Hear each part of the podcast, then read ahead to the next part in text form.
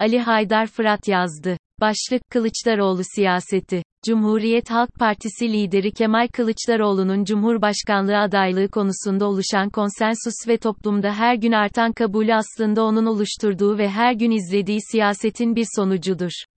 Zira CHP lideri hem iktidara hem de muhalefete katkı koyan bir siyaset izlemiştir.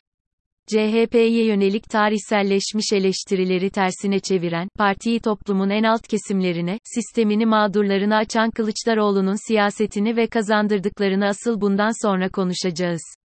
Ekonomi politik temelde kurgulanan bu siyaset devlet-toplum ilişkilerini, parti ve toplum ilişkilerini alışılagelen bağlardan kopararak yeni, özgün ve gerçekçi bir temelde inşa etmiştir.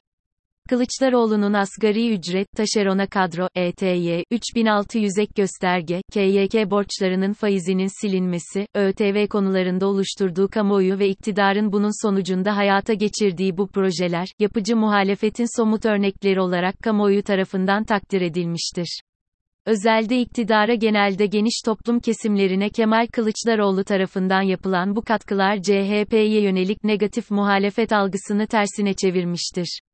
CHP lideri Kılıçdaroğlu'nun Türkiye siyasetine tarihsel önemdeki bir diğer katkısı siyasal ve toplumsal muhalefeti bir düzlemde buluşturmuş olmasıdır.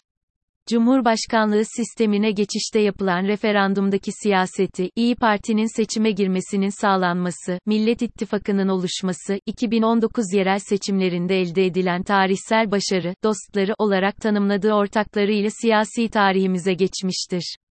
Toplumun her kesimiyle kurduğu yapıcı diyalog, siyasal alandaki özgürlükçü tavrı, toplumun bütün kesimlerinin talep ettiği hak, hukuk, adalet istencini göğüslemesi, dünya siyasi tarihine geçen adalet yürüyüşü, Kılıçdaroğlu'nu doğal bir aday konumunu pekiştirmiştir uğradığı bütün saldırılara, linçlere karşı toplumsal barışı koruma konusundaki hassasiyeti, toplumun ve ülkenin birlik ve beraberliği ile kardeşliğini koruma çabasındaki istikrarlı tavrı onun toplumdaki karşılığını sürekli büyütmüştür.